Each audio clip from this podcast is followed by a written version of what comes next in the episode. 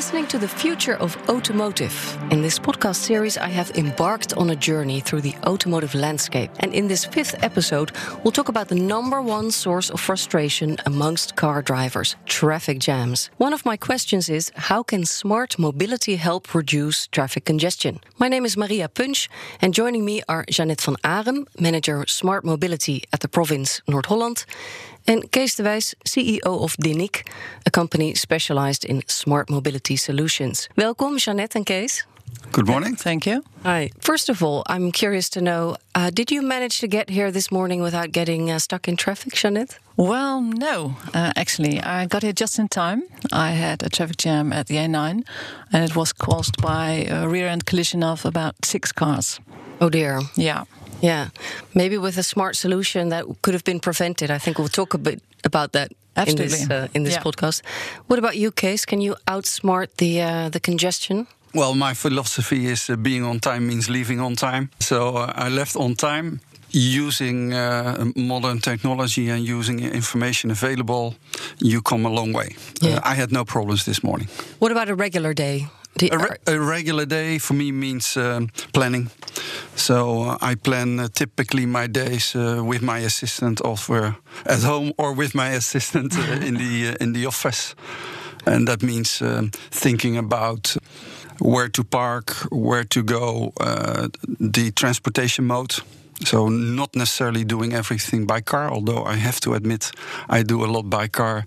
But there are uh, routes where I uh, deliberately uh, switch from from car to uh, public transport, simply to make sure that I'm punctual. so clever planning. Uh, that's, I think, one of the, the key things. Before we move on, I would like to pay attention to our sponsor, LeasePlan. With over 50 years of experience, LeasePlan's mission is to provide what is next in mobility via any car, anytime, anywhere service, so their customers can focus on what is next for them. Now, Jeannette, in the province of North Holland, this is for listeners outside the Netherlands, this is in the northwestern part of the Netherlands. Um, you've introduced different smart mobility solutions. For example, experimenting with talking traffic, so to speak, on the uh, N205. Could you tell us a bit about that uh, project? Yes, I could. Um, in 2013, we started collaborating with uh, Nissan, uh, Nissan Research uh, Development Center in uh, Silicon Valley, because at that time we had put traffic management uh, in place in uh, the province. And I was very interested in what's needed to be able to communicate between a traffic light and a car. So we started this co- collaboration. And soon they said, we really want to do pilots in real life traffic. So I said, well, you're welcome to come uh, do the pilots in our uh, province. Uh, we have the N205 and 207, and they're provincial roads with lots of traffic, lots of traffic lights near the Amsterdam airport. So that's how so, a this very started. important spot. Yes, yes. It's uh, there. There's a lot of traffic uh, going on over there. We've got a lot of intersection and also a lot of uh, different um, modes of transport: bikes, buses, cars, trucks, everything. hmm So that was in like an I- ideal testing ground, so to speak. It was an ideal testing ground, and what's uh, really unique about it is that it is in real life traffic. So we started promoting this place, and uh, for the last few years, we have done tests with uh, Daimler-Benz. The Future Bus came to us to uh, to show its level three automated bus uh, on our bus rapid transit route. And last year, one and a half year ago, we installed the first uh, intelligent road from the Netherlands. Together with Swarco, we were able to get the traffic lights uh, talking to uh, cars or, or mobile phones or apps. And was really proud to, to be able to do that. Yeah. What does talking actually mean? What sort of communication is going on between those traffic lights and, and the participants in traffic, the roads? What we uh, what we do is we send out messages between uh, the traffic lights and uh, the cars um, about the whereabouts where the car is, uh, what's its speed, uh, where does it want to go to, uh, but also from the side of the traffic lights, we can give information on the status of the traffic lights, and we can also get more green for some prioritized users of the road. What we really like to do there is uh, enhance traffic management, traffic flow, but also I think it would benefit traffic safety enormously as well. What are the results so far? Can you share something about that? Well, what we did is uh, that we showed that we were able to do uh, the communication. Um, it works. It works. That's one thing. Yeah, that's one thing, and so we can really prioritize now. We can think about who are we going to prioritize at certain intersections. Uh, we also were able to have a pilot last year on CACC. It's Co Cooperative Adaptive Cruise Control. What we did there was that we uh, were able to have seven cars communicate with each other. So if the first car stops, then the other six cars are going to stop at the same time. Mm -hmm. Or when the first car is going to pull up, the other six are going to pull up exactly at the same time. So if we would have that in place, I would have been here in time because the rear end collision uh, of the cars uh, I had earlier this morning would not have happened. Mm -hmm. Now, how do you sort of step into a project like that? Do you have a target? Do you have a goal, or isn't that is that not even possible when you're testing? Well, I have an overall target to have better traffic flow, better traffic uh, safety, especially traffic safety. But I think also that we can reduce uh, air pollution by using smart solutions, by using smart ITS solutions. Because if a truck doesn't need to stop an, at an intersection, it will uh, use less fuel if we are able to warn people that there's someone driving through red, uh, mm-hmm. the other cars can anticipate uh, on that. So I think for the long term, we can really enhance traffic safety and traffic flow and uh, and air quality. Yeah. So, quite a lot of experience in testing. Does the infrastructure need a lot of adjustments to implement this kind of technology? Well, what you see is that it's quite new for us. So, what we do is we start small, step by step, and we find out all kind of things uh, along the road. I think that uh, Kees also noted we encountered uh, things. It's a national program we are doing right now with all the traffic lights getting more intelligent. And we encounter things like cybersecurity. Uh, how right. do we cope with that? Uh, we're encountering things like uh, privacy.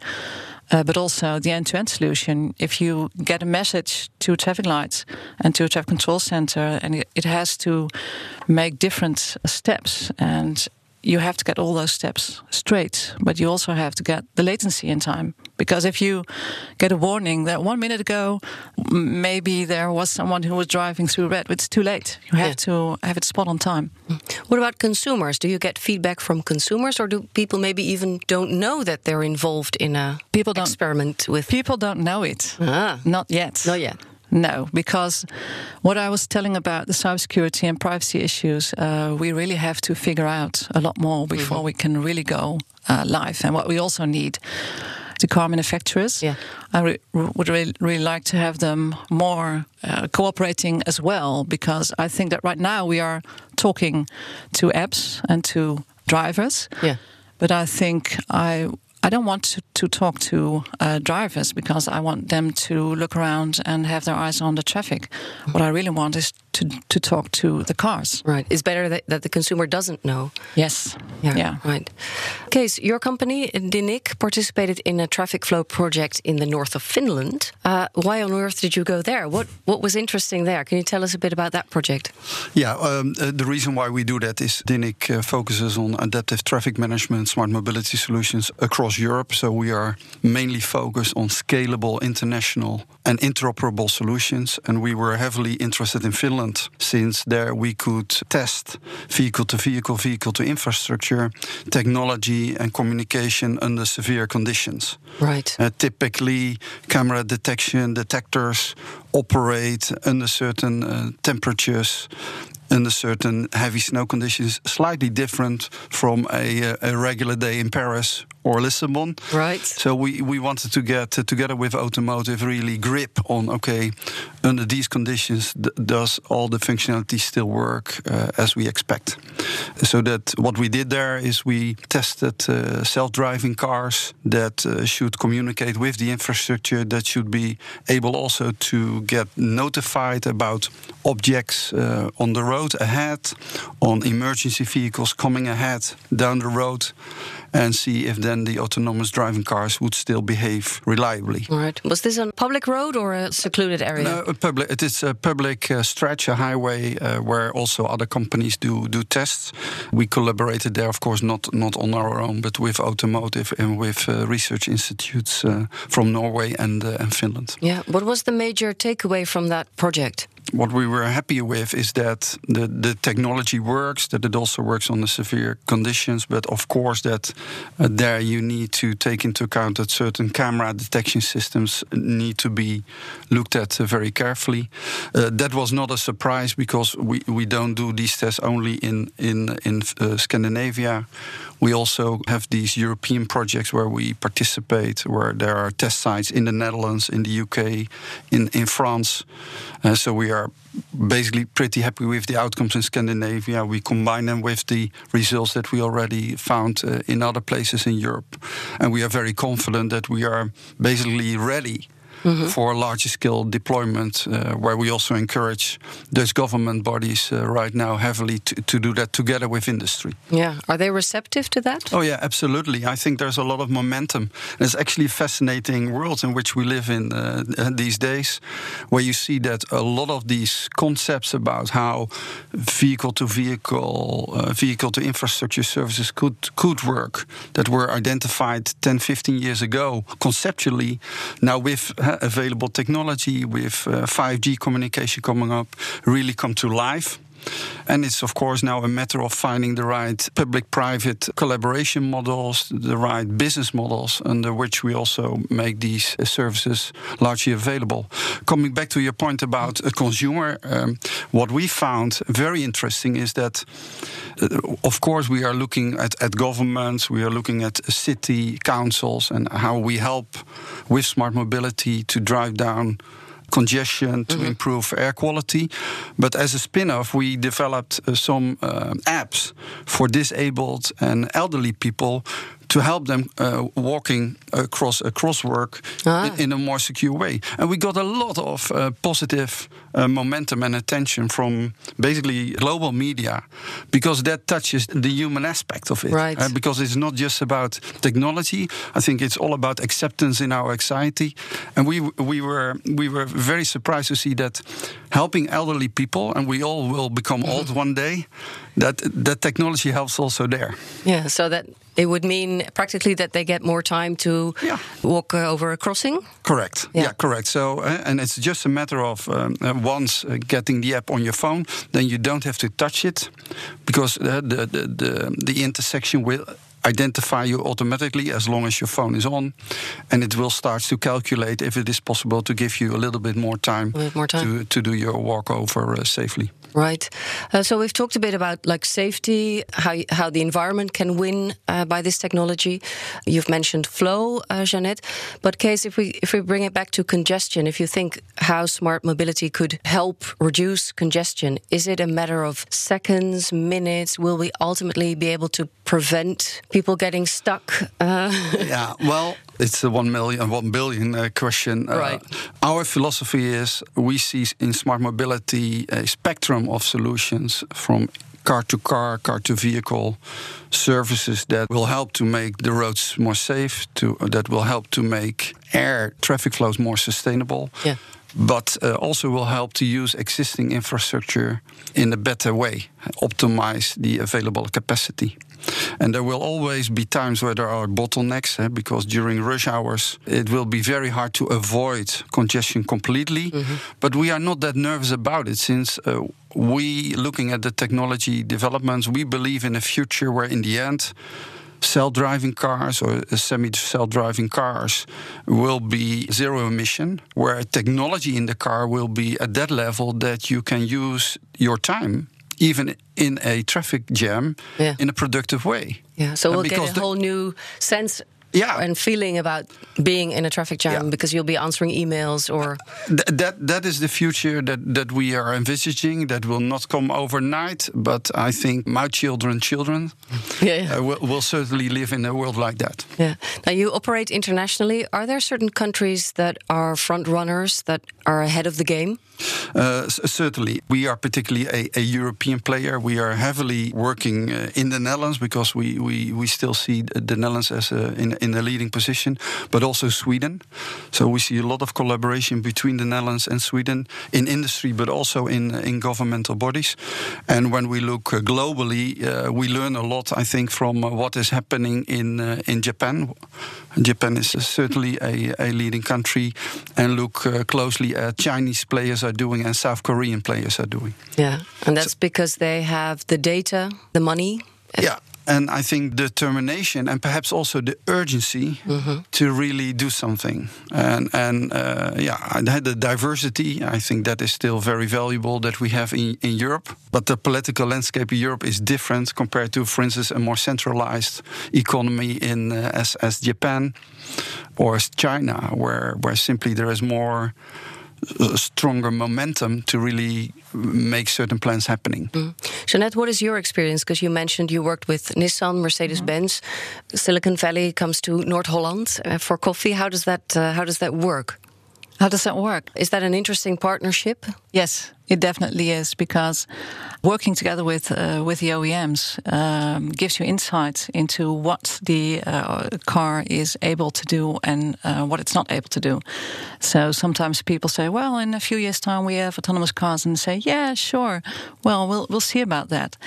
And I think that as a government, and I believe that in in the Netherlands, we are really quite unique in it, and I would like to have other governments uh, think about it as well. I'm convinced that we need to understand what the technology can bring us us and how it can help us.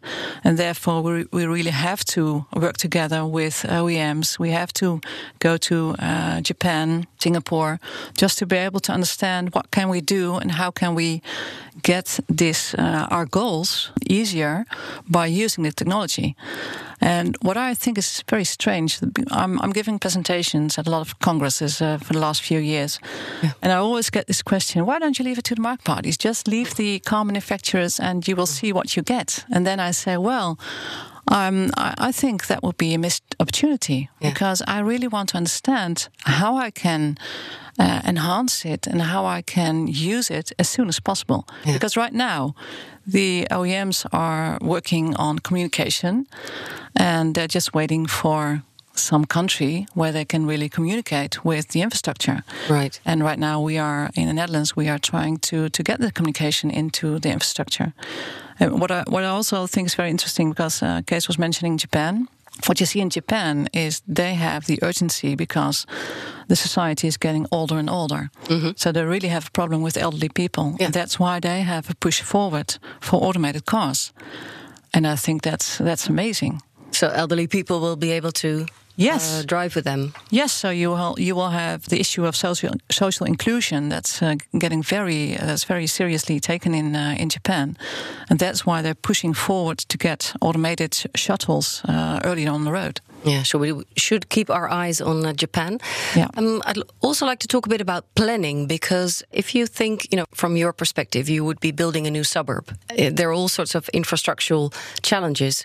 Uh, is there the risk of being far behind once you have the technology developing so quickly and the architects, the engineers are working on a new suburb? Um, how do you stay on track? It's very difficult because uh, all the planning has been done for uh, well for the next 10 15 years and we really don't know how the future is going to look like. So what we are trying to do is make guidelines for planning uh, and taking into account what do we know about how the future is going to look like and then maybe we can uh, give some choices to the one who are going to plan. But it's, it's very difficult. It really is. Yeah i can imagine so, we're talking about smart mobility solutions uh, in infrastructure, in reducing traffic jams. Are we focusing too much on smart mobility? Should we keep our eye on other solutions, do you think? Yeah, it, it, depends on how you uh, define smart mobility. For, for us, as I said, it's a whole spectrum of car to car, car to infrastructure services, software solutions that help to improve planning, also help to improve charging of the use of infrastructure. So it depends a bit on what you see as smart mobility and what not. I, I think the essence is that we recognize that uh, uh, given limitations in space, that we cannot just simply build out traditional concrete infrastructure, and that we have to focus on technology that helps to optimize the utilization of infrastructure. Right. Uh, and if that is the, the definition of smart mobility, then uh, I think we should uh, even focus more on smart mobility, since I think in countries like the Netherlands that is that are so heavily densed, where there's such a crowd of people that starts to concentrate more and more in metropolitan areas, you need to be smart on using technology in terms of planning, transportation, multimodal, eh, so combining traffic with public transport, with with availability of bikes or Yeah. electric steps or whatever, and use that technology, but, but also transform it into services that people uh, love, that people like, and that people uh, in the end embrace. What sort of services are you thinking of? I'm thinking about services where you can uh, simply share cars. Uh, th- th- it's coming up, but it's not, it's not there. So, for instance, a new apartment block would have integrated uh, several cars for the inhabitants. Uh, yeah, yeah. I, I, so I, I think the whole concept of the, the sharing economy should should be transplanted um, more more heavily into into the mobility world, and then uh, car sharing, bike sharing. Uh, Whatever sharing should fit into that. Uh, I think another thing where we where we are getting better is uh, there's still a lot of cruising in a city Uh, of people looking for for parking spaces. So mm-hmm. parking guidance Yeah. it really needs to get to a level where we optimize available technology and, uh, and, and share data in order to make sure that people simply uh, stop doing that Yeah. because they don't need to anymore. Jeanette, I, I would imagine that a city requires totally different solutions than a more rural area. Do you have any experience in that? Oh, well, what you see is that in a city, uh, we we really have the problem of the air pollution. Uh, right now in Amsterdam, they're thinking about banning the car from the center. I think they should have done it a long time ago already. Yeah. But it's always the, the struggle between the, the parking car owners and uh, how do you get money from it and uh, the livability of a city. So I can imagine that using technology like, for example, geofencing or something, you can do something with the data and you can prevent uh, cars from coming in. But also as government and as a, as a municipality and a province, we really need to put uh, rules in, into place. This is not allowed. Uh, you're allowed to go there. We also have to talk with uh, well the, the map providers of the world, so we can tell which road we want cars to take and uh, which roads we do not want to have any cars. And if you get, come into the more the, the rural areas, I think we have to look at Japan. We really have to see how can we get public transport to uh, a level in which it really is going to work for everyone and also where it's still affordable. Because right now we put a lot of money into public transport and perhaps with using well more smart mobility or shuttles, uh, last mile solutions in combination with uh, public transport, maybe we can also lower the price and get give more access to uh, more people. Yeah. Could you imagine a scenario in which people would have to pay, for instance, for using a certain route in the rush hour?